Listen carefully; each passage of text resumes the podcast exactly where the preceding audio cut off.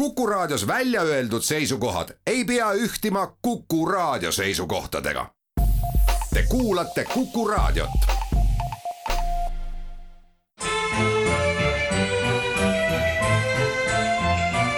Memoria.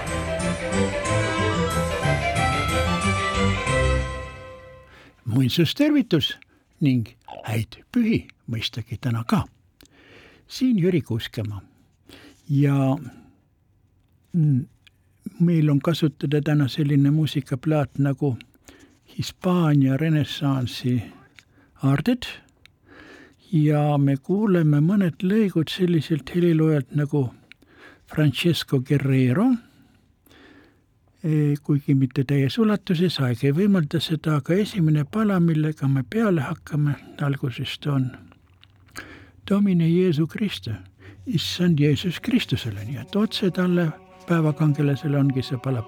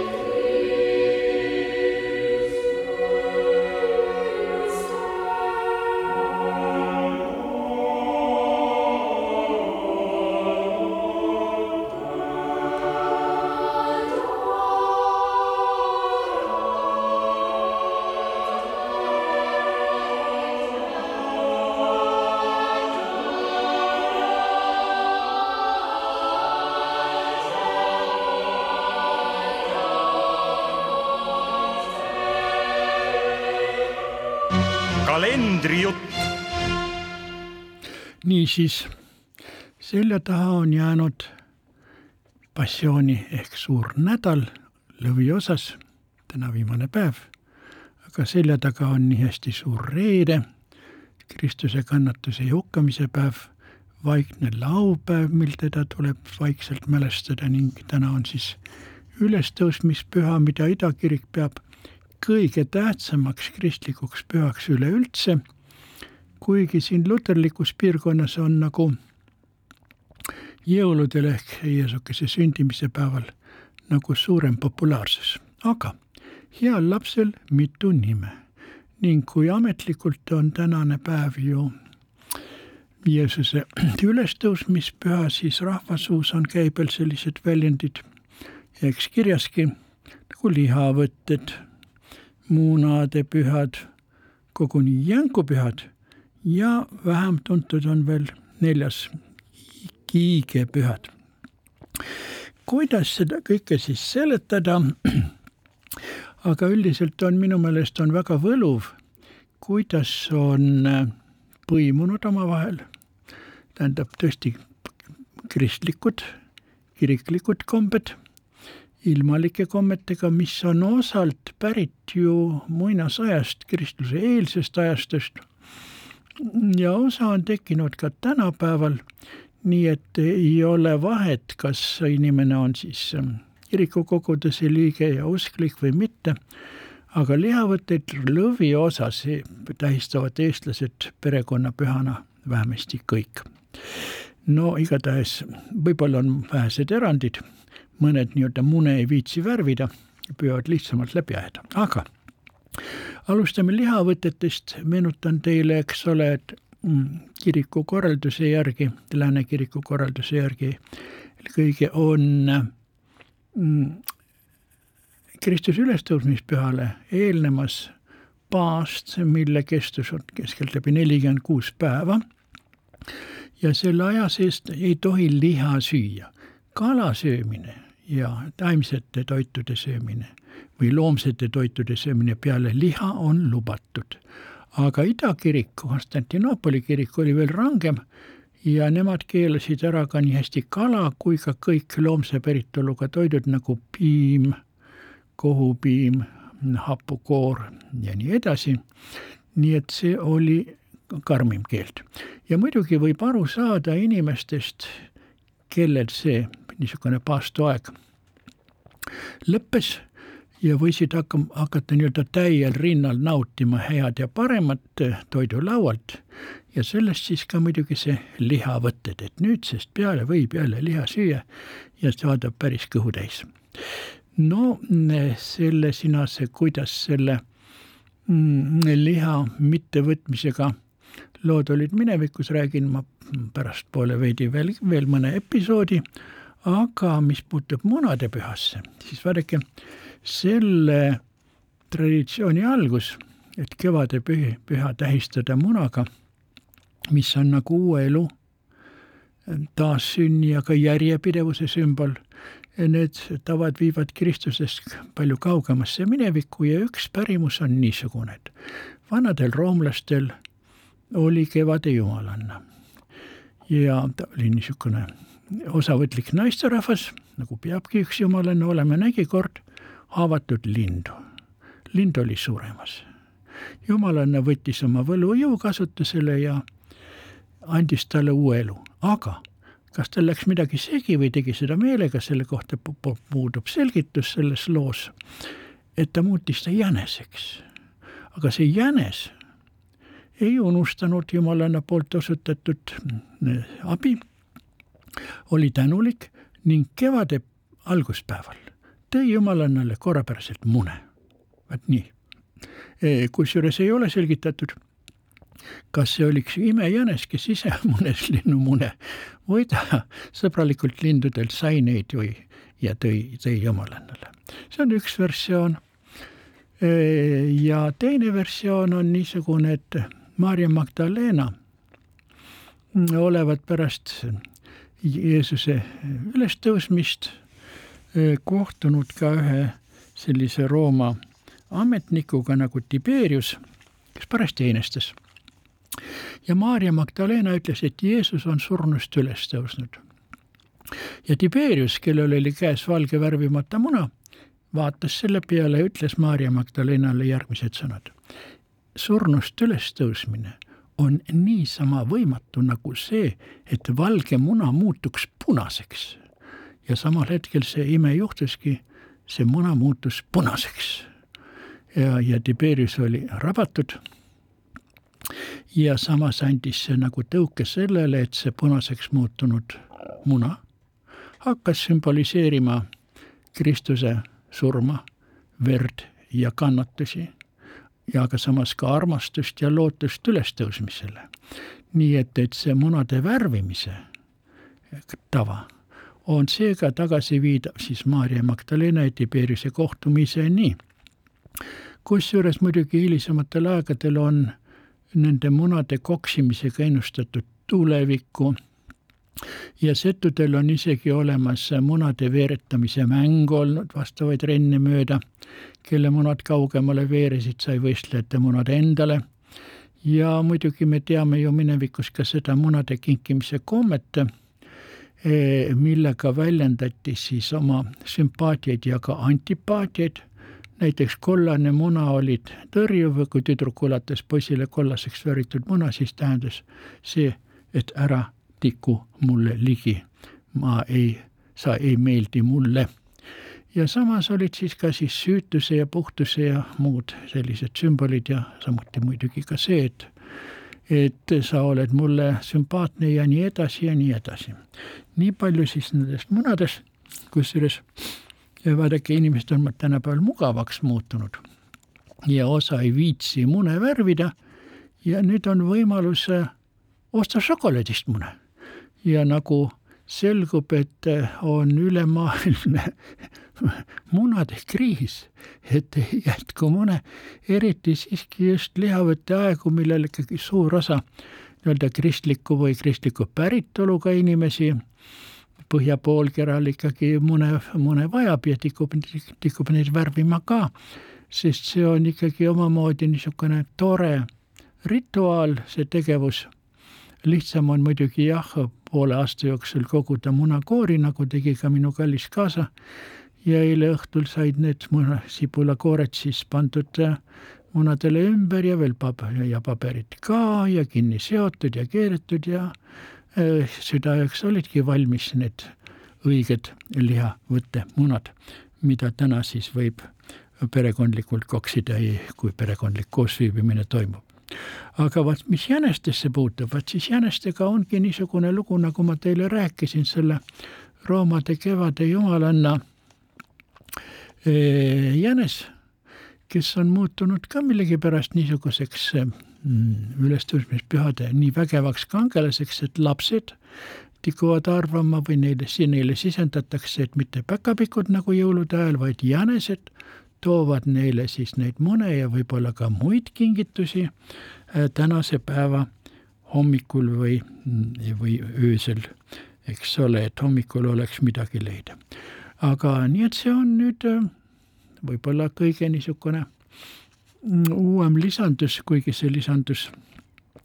on ikkagi ka oma kaks tuhat aastat paistab vana olevat ja siingi on jällegi mugav, mugav, mugandumine tänapäeval, et näiteks minu poeg tuli Berliinist ja tõi meile vana, vanaemaga kummalegi šokolaadist jänese. tõsi küll, mitte originaalsuuruses, aga väikese, aga ikkagi sümboli väärtus on ka sellel ja ma vaatan seda jänest ja ma küll nagu ei ei, ei söanda hakata seda ära sööma. aga noh, jah, kui lihavõtte ajast saab natukene mööda ja tulevad külla lapselapsed ja nad avastavad selle šokolaadist jänesepaari, siis tõenäoliselt me loovutame vanaemaga need lastelastele, aga kiigepühad, mis selle kiikumisega siis Jeesukese ülestõusmisel tegemist on, ega ei olegi. see on lihtsalt ka üks osa niisugusest tavalisest, eks ole, kalendaarsest rutiinist ja kommete muutumisest nagu üleminek, eks ole, talveajalt suvemajale, suveajale, kolmelt toidukorralt viiele toidukorrale ja kui poistele ja tüdrukutele antakse võtmed kätte, et võivad ööbida kuskil aidas ja kus läheb siis ka kurameerimiseks ilmselt lahti hooaeg. Ja siis üks kurameerimise asju või ettevõtmisi oli ka kiikumine mille niisugused kaareviibutused võib-olla tikuvad mõnevõrra ka vihjama seksuaalsele teatud niisugusele dünaamikale või, või, või, või, või saate isegi aru, mida ma mõtlen sellega. aga nii see on ja nii on needsamused äh, lihavõtted nii väga mitmekihilised ja ka armastatud pühad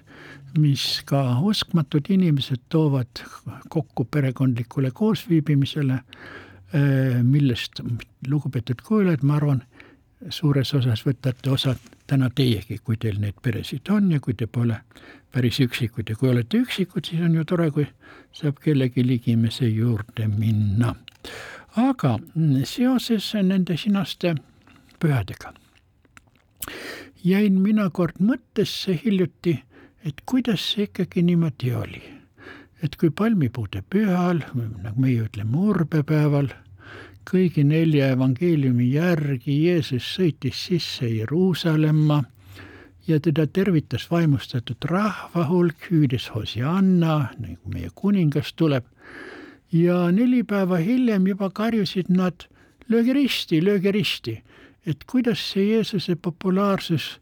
nii kõrgtasemelt langes alla. Ja siis ma mõtlesin ülepea, et kuidas selle niisuguse inimeste menukusega ja häälestatuse, massi häälestatuse või mõne rahva häälestatuse või mõne inimrühma häälestatuse või mõne religiooni tegelaste häälestusega on, et kuidas see võib niimoodi väga kiiresti muutuda,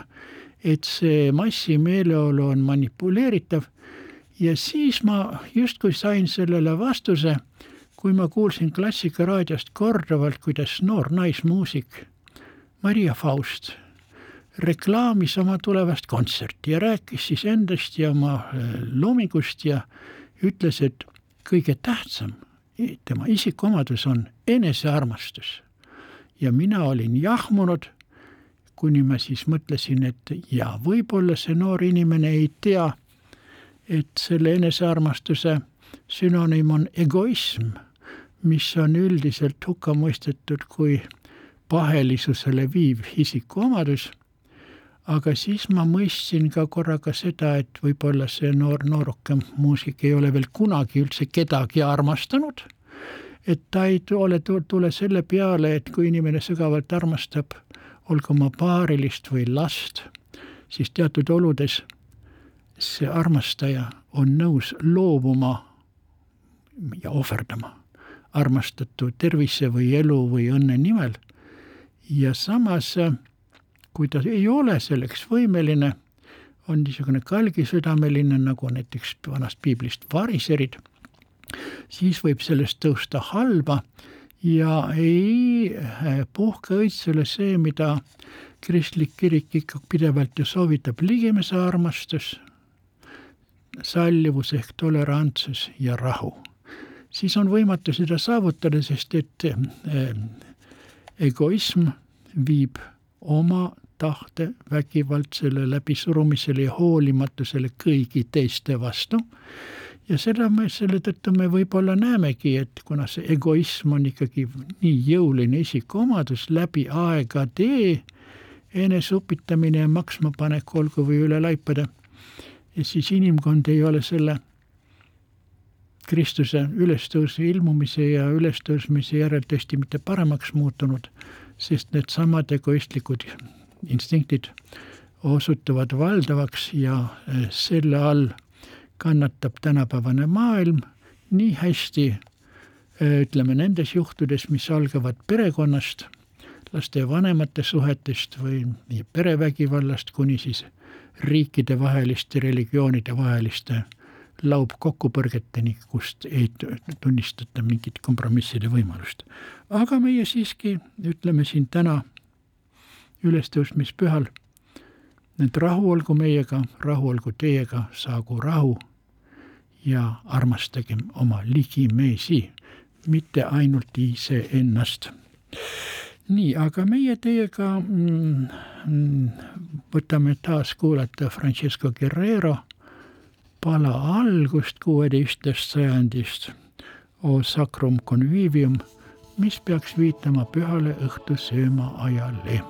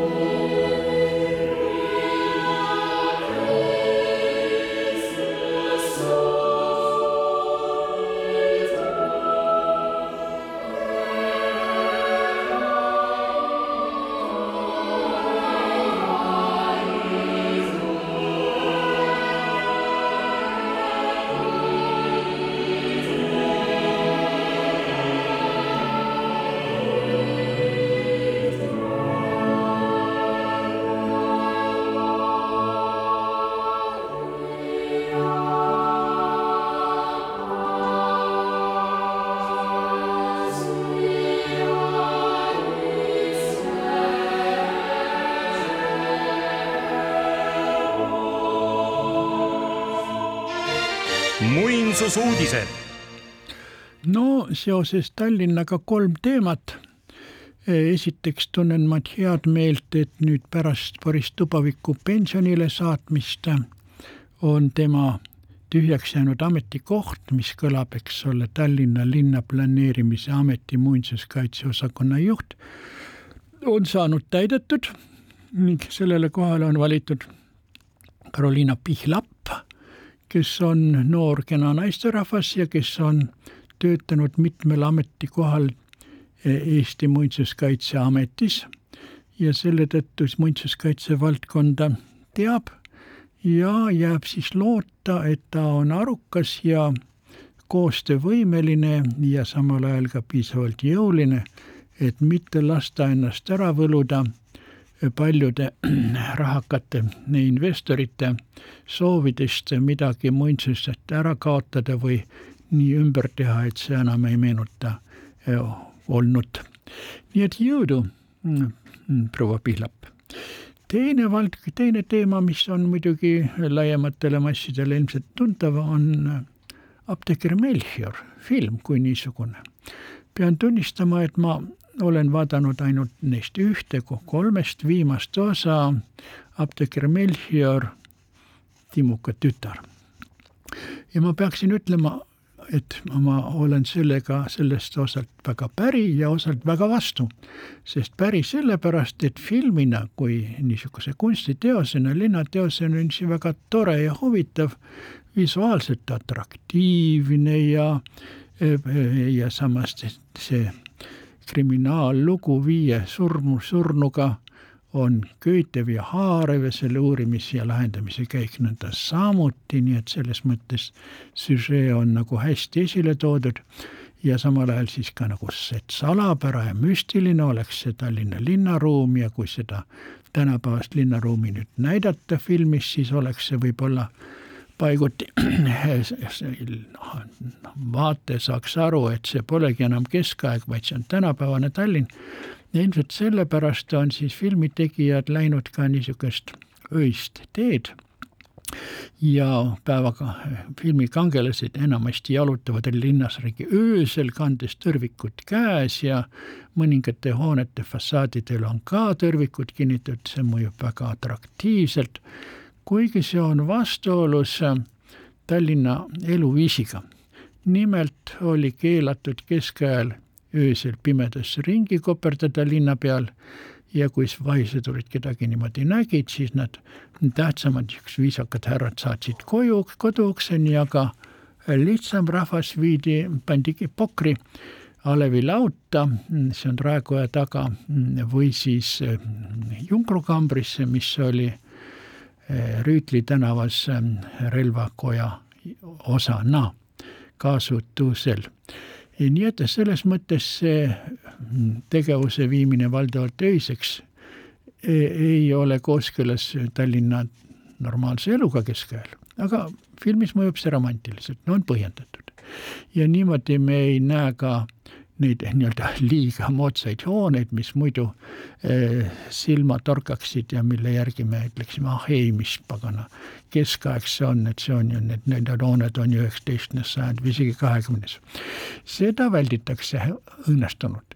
ja te-, aga üks asi, mis on muidugi tegelikult Tallinna eluga täielikus vastuolus, see on inkvisitsioon inkvisaitori tulek ja inkvisiitori kohtumõistmine siis selle apteeker Melchiori uuritavas asjas. Tallinnas inkvisitsiooni ei olnud ja isegi kõikides nendes ähm, dokumentides, mis on nagu avaldatud äh, Tallinna elu kohta, on küll juttu kiriklikest ähm, nii-öelda uuringutest, kui tulevad välismaalt nende, ütleme, dominiiklaste või tsirtsertlaste ordu mingisugused kõrgemad ähm, preestrid või ametnikud, et siin ähm, korraldada neid asju, sest meenutan, et Tallinnas oli ju, eks ole, nii hästi dominiiklaste Katariina klooster kui ka tsistsertlaste Kärkna, Kolga ja Padise kloostrid, mille kloostriõued olid kõik Vene tänavas kuni reformatsioonini välja ja selle tõttu loomulikult, eks neil olid omad kupjad, nagu öeldakse, vaimulikud kupjad, aga see ei olnud teps mitte inkvisitsioon. ning Tallinnas ei ole olnud inkvisitsiooni juhitud nõiaprotsesse, mis oleks viinud vagade vanade naiste ärapõletamiseni. Need nõiaprotsessid algasid alles juba luterlikul ajal, Karl Üheksanda ajal kuueteistkümnenda sajandi alguses, siis läks meil nõidade põletamine, aga inkvisitsioonil polnud sellega mitte midagi tegemist. aga see on nüüd üks asi Tallinna reaalelu ja teine asi on üks film, mis on omaette kunstiteos ja millele ei tohiks teha selliseid etteheiteid väljapool seda mm, filmi tegevusruumi nii et hõissa-hõissa siis Melchior, kui nüüd seda on juttu olnud, et kavatsetakse, mõeldakse sellele, kas tekitada veel mõni seeria, siis ma ütleksin, laske käia, vähemasti kolmas seeria on linnateoseni, teosena täiesti õnnestunud ja vaadeldav. aga kolmas teema, mida ma tahaksin täna puudutada, on Tallinna vapp või see ummik, millesse Tallinna vapi lugu on jõudnud ma meenutan teile kõigepealt rääkimata sellest Tallinna ajaloolisest suurest vapist kolme lõviga, kes seisavad kolmel jalal, parem esikepp on tõstetud ja pea on pööratud vaataja poole otse. Nende kohta on öeldud ka leopardiseeritud lõvid, kuid need on igal juhul lõvid ja sinised. ja see e, e, suur vapp sai omaks nii hästi Eesti Harju-Viru rüütelkonnale tuhat kakssada viiskümmend üheksa ja on arvatavasti annetatud kuningas Valdemar teise poolt ka Tallinna linnale, eks ole, kuigi kõige vanemad säilinud pitserid. Selle sinase lõvi, lõvivapiga, mis viitab, et Tallinn oli kuninglik Taani linn, on alates aastast tuhat kakssada seitsekümmend üheksa meieni jõudnud ja neid kasutati läbi aja, aegade, kusjuures eh, Nõukogude ajal olid keelatud nii hästi see lõvivapp nii Eesti vapina kui ka Tallinna vapina ja samuti keelatud ka see väike vapp, hõbedane rist punasel taustal, mis on tagasiviidav selle Dannebroogi lipu ja vapini. ja tuhat üheksasada seitsekümmend pärast siis tüki aega vapitu olekut, vapita olekut Tallinn sai endale embleemi, mida kasutati vapinas, see oli professor Paul Luhten kavandas sellise, kus oli mm, punasinine eh, kilp ja millel oli siis võti. Ja selle ühel väljal oli ka mm, punane viisnurk ja samal ajal selle peas oli vana Toomas. ja vot seda embleemi nimetati vapiks ja kasutati kuni aastani tuhat üheksasada kaheksakümmend kaheksa. ja siis, kui oli meil käimas laulev revolutsioon ja oli soov taastada ajalooline Eesti Vabariik, meie kõige tähtsam muistis ja samuti ka eh, vanu tänavanimesid ja traditsioone mida kõike veel ja siis tuli päevakorda ka Tallinna vapi, ajaloolise vapi võtmine taaskasutusele ja siis oligi niimoodi, et see, see toimus. Ja see on olnud siis kasutusel äh, linnavapini kuni aastal kaks tuhat seitseteist. Toimus niisugune asi, et vaadake, siis meil on väga tugevad äh, kaubandusreklaami tegijad, kes, kelle üks tegevuse liike on ka nii-öelda logode, embleemide väljamõtlemine nendele esindatud firmadele. no osa tulid muidugi meile juba rahvusvahelised oma logoga, seal polnud enam midagi muud, kui lisada võib-olla paiguti eestikeelseid tekste, aga samas tekkis ju Robinal ka uusi firmasid ja neid logosid töötati välja väga palju ja mõned kunstnikud arvasid, et vot, Need vanad ajaloolised vapid, need, kus on siis lõvid ja kroonid ja rüütlikiivrid, et on ajast ja arust. et peaksime minema üle moodsamatele lahendustele ja siis pakuti välja niisugune mitte vapp, vaid vapi, vaid logona Tallinnale ka niisugune hmm, tõsi, heraldilise vormiga alt ümar kilp millel on valged ja sinised triibud. Kusjuures need triibud ei ole mitte sirged, vaid ebakorrapärased, lainetavad ja loksuvad. ja siin on nagu tagamõte oli vast selles, et teatud ajalooline side jääb ju lõvivapiga, et siniste lõvide asemel on sinised triibud ja ja siis selle kuldse tausta asemel on lihtsalt, lihtsalt helevalge sest nii nagu kujutagem ette, et kunagi, kui Tallinna Hansa laevad sõitsid selliste lõvivapiliste lippudega, siis kaugelt vaates need sinised lõvid paistsidki nagu triibud ja see kuldne taust oli võib-olla pleekinud ja ei jätnud enam kollast, kollast või kuldset muljet ja sellest geometris-, geometriseeritud vormiks ongi siis ka Tallinna linna lipp, kus on kolm sinist ja kolm valget triipu. see võiks öelda, et see on nagu mm, selline opkunst, esimene avaldus enne kahekümnendat sajandit, kus reaalsed vormid on tä-, täielikult geometriseeritud. Ja vot sellest geometriseeringust lähtusid ka need sellised logokavandajad. Aga kui see oleks jäänud nüüd lihtsalt nagu kuskilt tõesti logo kasutusse, aga see on hakanud välja tõrjuma Tallinna vappi. Ja kui te võtate nüüd, eks ole, lehe Pealinn, mida te näete seal, seal te näetegi sellist kõverate siniste valgete jooni, joontega kilbikest, mis linn on linna sümbol ja seda on kasutatud ka siis mitmesuguses muus kirjanduses ja värgis ja ja on isegi tekkinud niisugust valgustit tänaval laternate, tänavalaternate asemel, kus me näeme neid samuseid kõveraid jooni. ma leian, et see on täielik äh, ketserlus ja äh, ebaväärikas käitumine ajaloolise vapiga, et me peaksime siiski ajaloolise vapi juurde tagasi pöörduma. Aga kuidas seda teha, vaat see on nüüd küsimus, selle üle ma arutlen meie Eesti ühe vähese sest häraldikutest Priit Herodesega, kes saatis mulle ka materjalid ja kirja, mille tema koos mõne kaaslasega oli kaks tuhat üheksateist koostanud Tallinna linnavalitsusele ka. Ajaloolise vapi väärkasutamise eh, ja selle logo osas, soovides vapi õiguste taastamist, aga no näete, neli aastat on möödas, pole veel midagi toimunud, aga eh, ajaloo vaatevinklist neli aastat on muidugi üks lühikene ajakene. aga mida me täna siin muinsusuudiste raames võime midagi positiivset ka öelda, no minge Kalamajja alates kaheteistkümnendast Kalamaja muuseumis on avatud näitus tapeetidest, mida on remontide käigus siis vanadelt majadelt seintelt ja ka lagedalt maha võetud ja neid on siis lahti leotatud ja neid on seal osalt mitmeid kihte, võib-olla kuni viis kihti ja sealt alt on tulnud välja ka ajalehti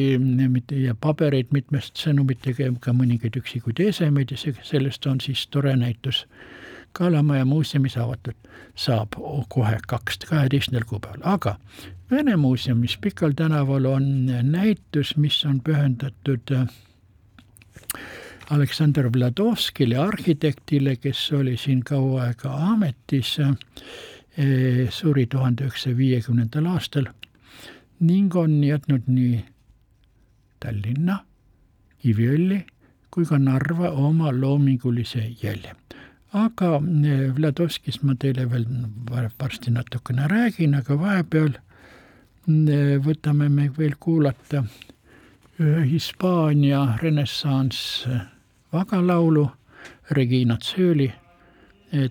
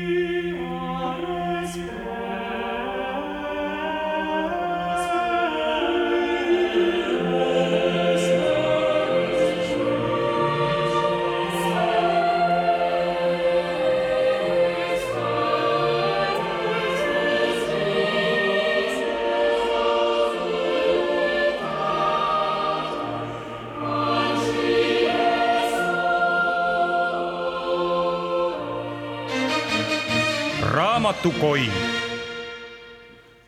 no minu kätte on juhtunud Balti rüütelkondade uudisteleht. see on õigupoolest nagu ajakiri, saksa keeli muidugi, välja antud Lörrachis märts tuhat, kaks tuhat kakskümmend kaks, mis tähendab, et eksiilis tegutsevad Baltikumis elanud rüütelkondade järglased osalt ka ütleme, vanemad isikud, kes nendesse rüütelkondadesse kuulusid, elades siin Eestiski. ja siin sellel trükisel on üleval sellised vapid nagu Liivi Ordu mustrist valgel, Liivimaa, Eestimaa, Kuramaa ja Saaremaa rüütelkonnad ning esileheküljel on Eesti postmark, mis on välja antud Tallinna Toomkooli seitsmesajandaks juubeliks. nii et, et see on baltlastele, baltisakslastele hästi meeldinud, sest sellel margil on mitte ainult, mitte ainult toomkirik ja mm, siis Taani kuninglik pitser aastast tuhat kolmsada üheksateist või umbes sellest ajast ja mitmeid Tallinna Toomkooli kasvandikke ja õpetajaid, kes on ju omandanud laialdase kuulsuse. nii et see ja samas muidugi on siin veel üks põhimaterjal, mis on pikem käsitlus, on ühest Lätimaal asunud mõisa raamatukogust, see on siis praegu Pastende on selle koha nimi, kust tuhande üheksasaja kolmekümne üheksandal aastal välja rännanud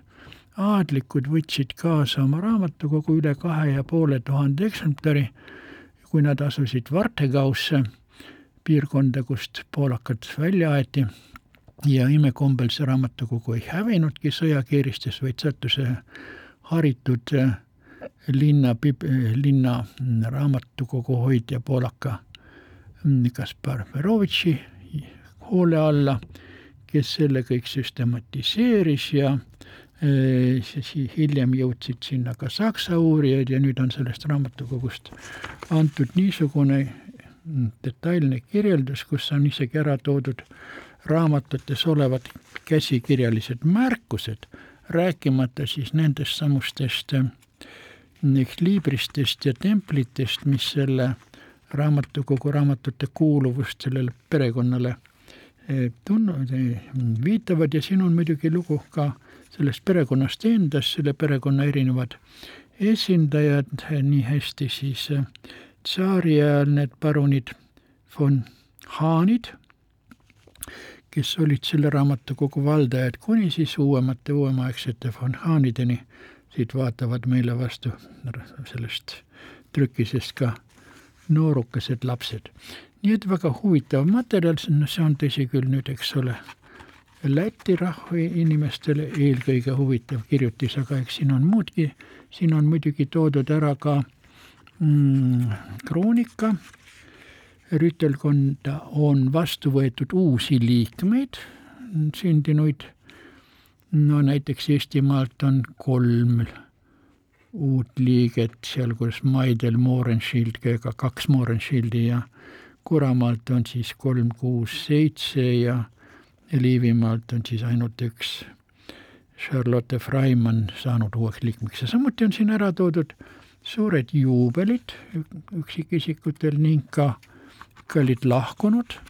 kes on olnud meilt pärit, sealhulgas on ka näiteks üks krahv Heinrich Tiesenhausen Eestimaalt pärit, kes oli, mis ta siis oli, mm, ka ligi üheksakümne aastane, kui ta elavate hulgast lahkus ja siin on muidugi, siin on teisigi nende lühikesi elulugusid ning samuti õnnitlusi nendele sinastele tegelastele. vaat sedaviisi ja siis noh, näiteks lahkunute hulgas on ka üks parunes von Schilling, kes oli nagu, tegutses teadlasena ja oli ka Eestist pärit ja sündinud siin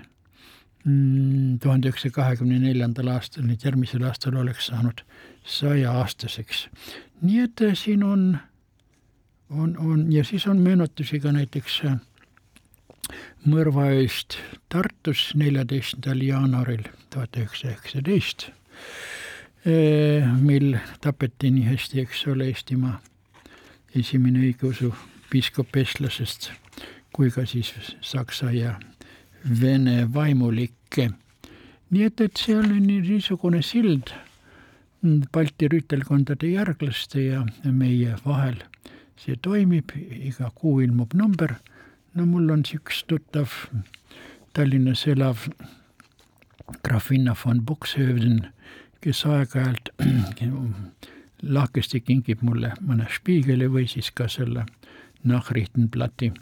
kust ma leian mitmesuguseid huvitavaid andmeid, millest osalt on põhjust rääkida teilegi, aga ma vaatan, et aeg on läinud nii kiiresti, et ma polegi jõudnud veel Vladovskini. Aga ega siis midagi, võtame praegu käsile järgmise pala. see on nüüd järjekord, järjekorras on mm, ka pala kuueteistkümnendast sajandist Hispaaniast. Sebastian Vivanche on selle autor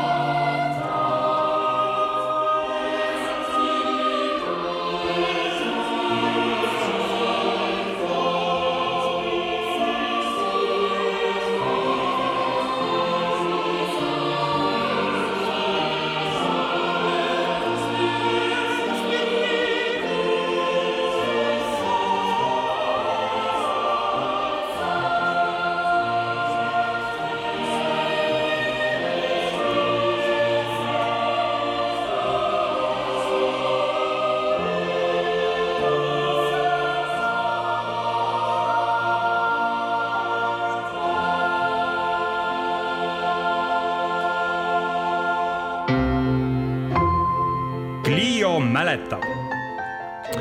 sedagi, et mõned vene inimesed on meie kultuuriellu jätnud hästitava ja positiivse jälje,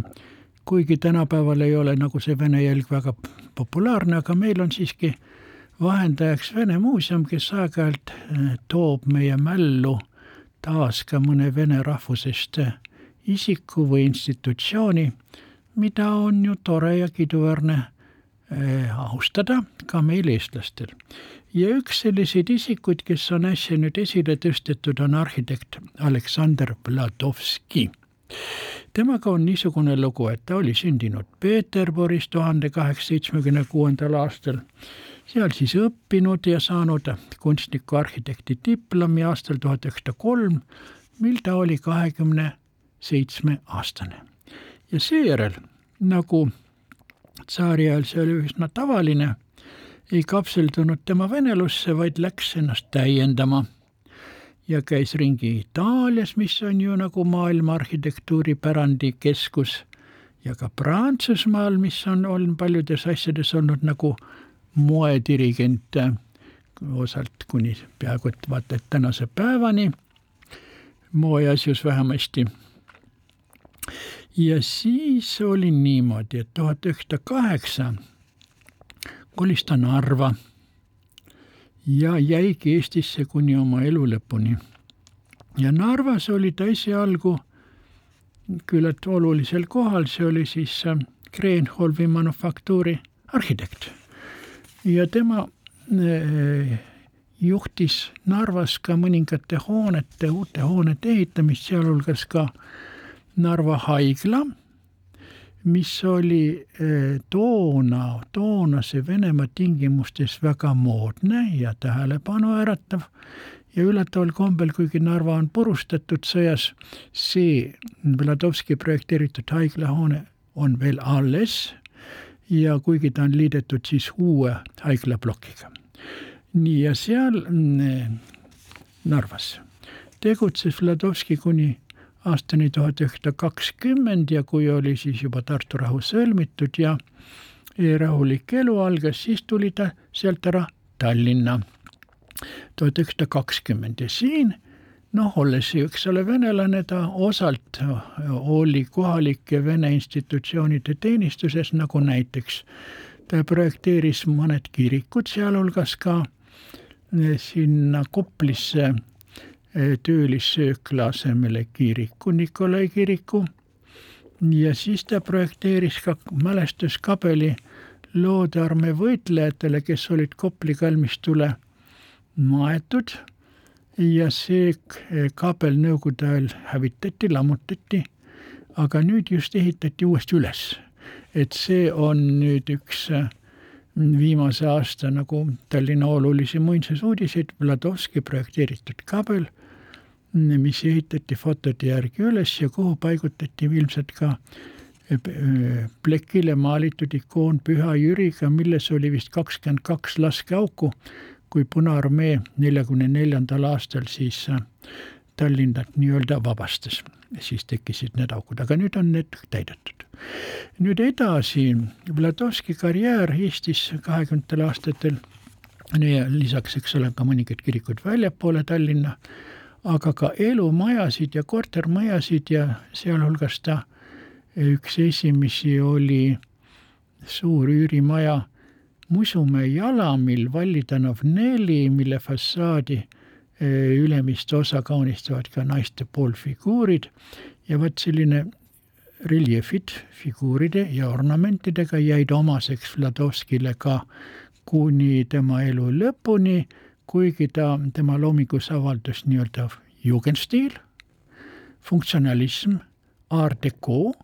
ja ta kavandas ka nii Pärnu maanteele kui ka Kadriorgu ja mujale väga esinduslikke suuri, suuri üürimajasid ja muide, üks avalik hoone on Eesti Kaitseväe haigla Juhkentalis, mis on tänini alles ja mis ütleme jah, teleesitlustel, kui seal on mingid eeskogunemised, äratab tänini tähelepanu oma niisuguse mõjuka fassaadiga, aga minule eh, sellest samusest Vladovski pärandist meeldib eriti tema eh, sõjas purustatud Lai tänav kahekümne seitsmenda hoone tänavapoolse osa asendamine prantsuse kotistiilis fassaadiga, mis on täiesti jahmatav, sest et pärast sõda ju tuli meile siia peale nii-öelda Vene ampiir või stalinlik barokk, aga Vladovski eh, lähtus ikkagi niisugust Tallinna gootikaviilmajad põhitüübist ja, ja leidis siis niisuguse lahenduse, mis on tõesti äh, millelaadseid pole enne olnud, aga mis siiani köidab pilku. praegu on see maja läinud Linnateatri koosseisu ja seda parajasti ka renoveeritakse, aga head kuulajad, ma soovin teile veel kord ilusat ülestõusmispüha, rahu ja õnnistust